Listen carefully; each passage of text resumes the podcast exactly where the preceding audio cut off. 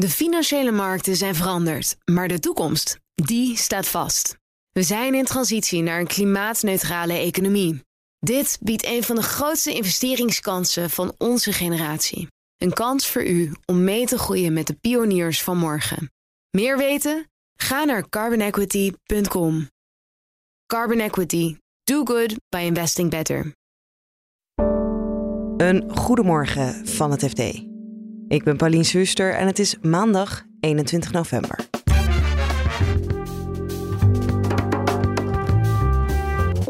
Inzinger Gillissen heeft de witwascontroles niet op orde en moet daardoor nieuwe klanten teleurstellen. Als je je klant wil worden, moet je even een paar maanden wachten. Het is allemaal, staat allemaal haaks op het DNA van een private bank.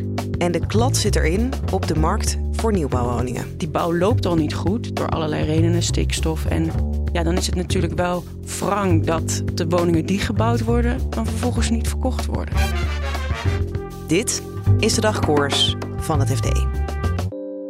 Miljonairsbank Inzinger Gillissen heeft zulke grote achterstanden bij de witwascontroles dat ze amper nieuwe klanten aan kunnen nemen.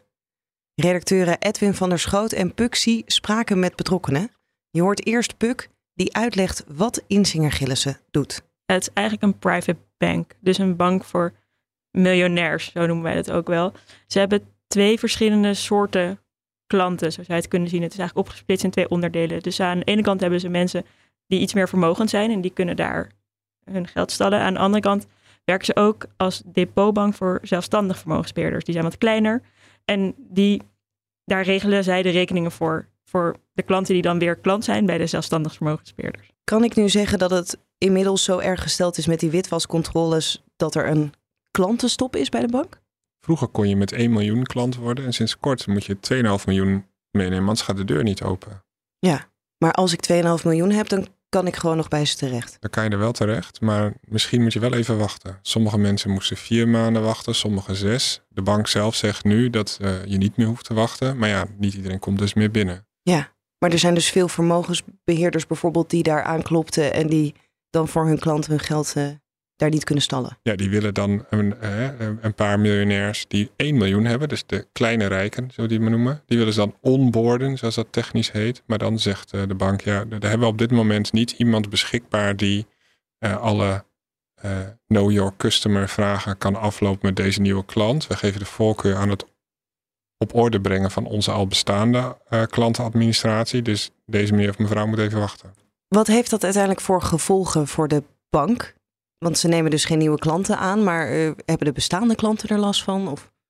Nou, dat denk ik niet. Maar het is vooral, uh, kijk, dit is een bank die, die had als ambitie. Uh, we hebben, even uit mijn hoofd gezegd, 5% van de markt. En we kunnen makkelijk doorgroeien naar 15% van de markt.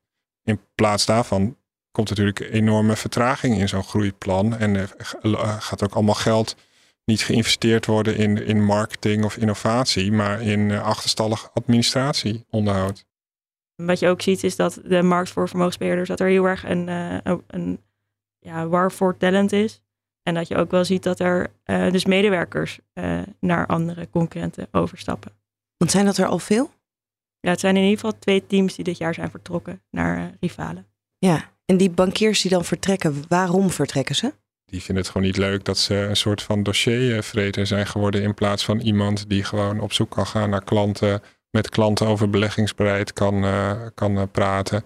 Zelf daar ook invloed op heeft. Ze zijn een beetje een doorgeefluik geworden. Omdat het hoofdkantoor van Insinger Gillis is een internationale holding. Quintet zit in Luxemburg. De bankvergunning is twee jaar geleden, drie jaar geleden ingeleverd.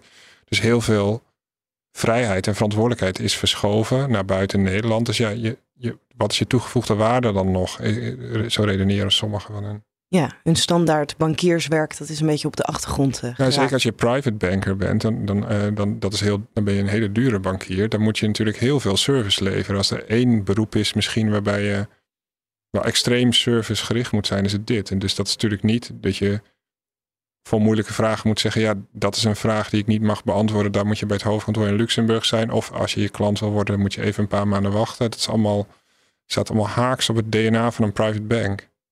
En hoe kan het dat die achterstanden zo zijn opgelopen bij Insinger Gillissen?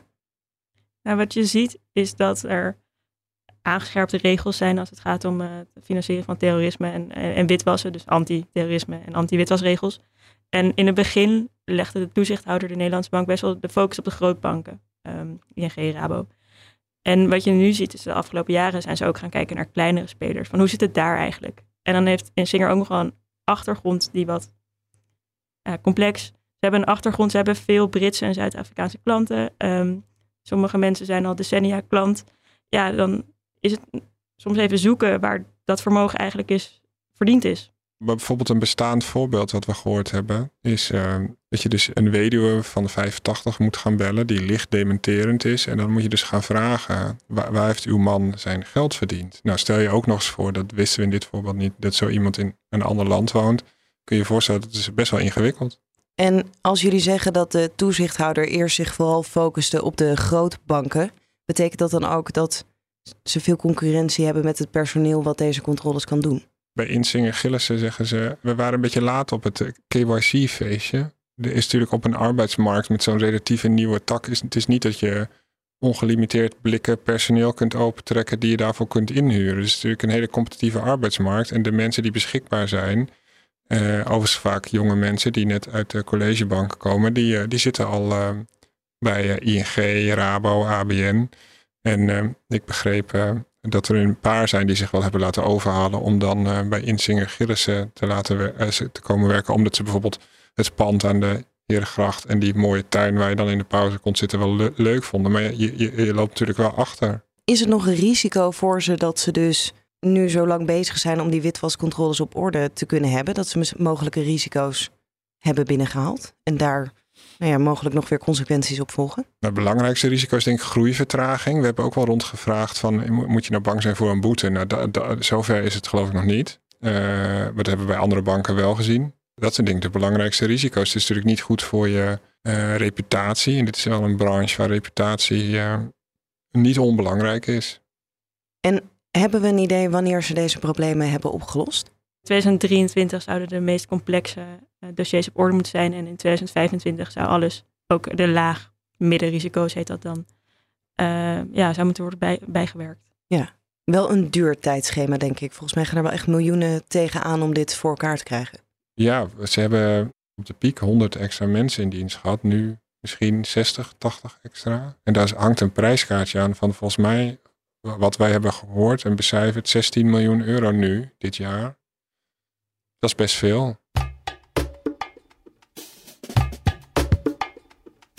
En dan gaan we het hebben over nieuwbouwwoningen die de laatste maanden slechter worden verkocht, ondanks het woningtekort. Woningmarktredacteur Nelke Trappenburg legt uit waarom.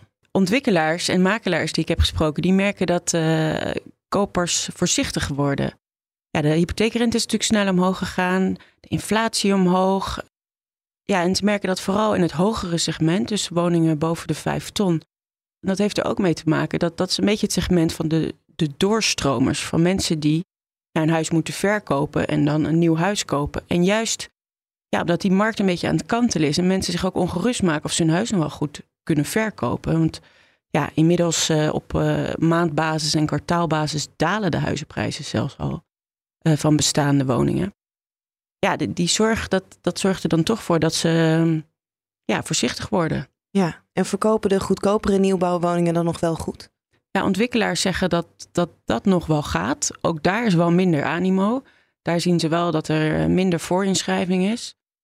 Maar die verkopen dan ja, nog relatief uh, goed. Ja, en verkopen de nieuwbouwwoningen dan ook in verhouding met bestaande woningen slecht of nog steeds wel beter dan oude woningen bijvoorbeeld? Eh, daar zie je wel dus dat de huizenprijzen beginnen te dalen en uh, dat woningen langer te koop staan. Maar qua transacties gaat dat nog wel. Bij nieuwbouw zie je echt dat het aantal transacties heel erg terugloopt. Is het dan niet gek, gezien ook de energiecrisis waar we in zitten, dat het juist, nee, je zou denken, een hele aantrekkelijke optie is, zo'n nieuwbouwwoning? Ja, dat is wel gek. Want ja, mensen zijn vanwege die snel stijgende gasprijzen wel echt op zoek uh, naar energiezuinige woningen. Je ziet dus dat ze er wel veel beter op die energielabels letten. En juist nieuwbouw, wat natuurlijk ja, erg duurzaam is, uh, daarvan zou je verwachten dat loopt dan heel goed. Um, maar ja, daar zitten dan toch die marktomstandigheden in de weg.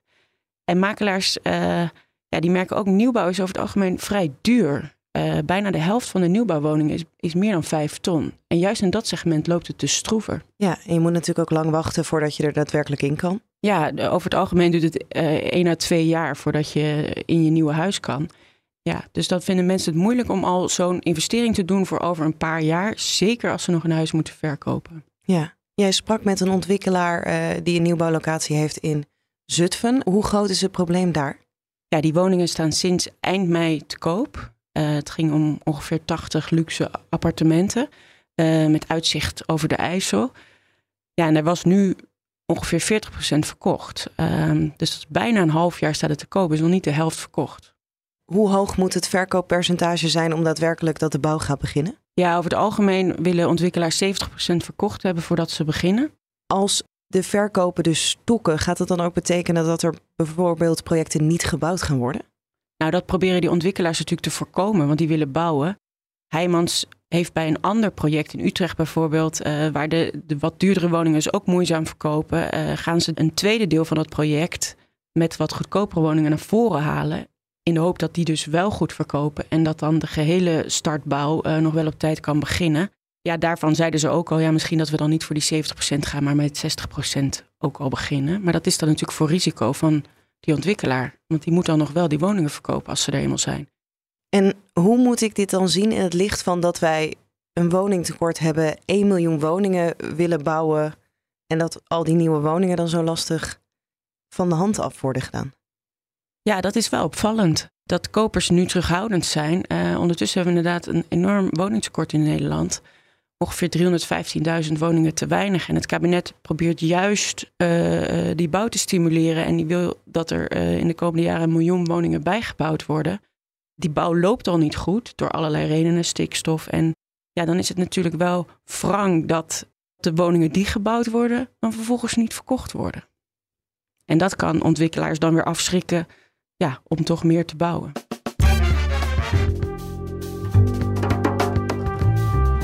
Dit was de dagkoers van het FD. Je vindt ons elke ochtend in je favoriete podcast-app. En het laatste financieel-economisch nieuws vind je op fd.nl. Nog een hele fijne dag en graag tot morgen. De financiële markten zijn veranderd, maar de toekomst, die staat vast. We zijn in transitie naar een klimaatneutrale economie. Dit biedt een van de grootste investeringskansen van onze generatie. Een kans voor u om mee te groeien met de pioniers van morgen. Meer weten? Ga naar carbonequity.com.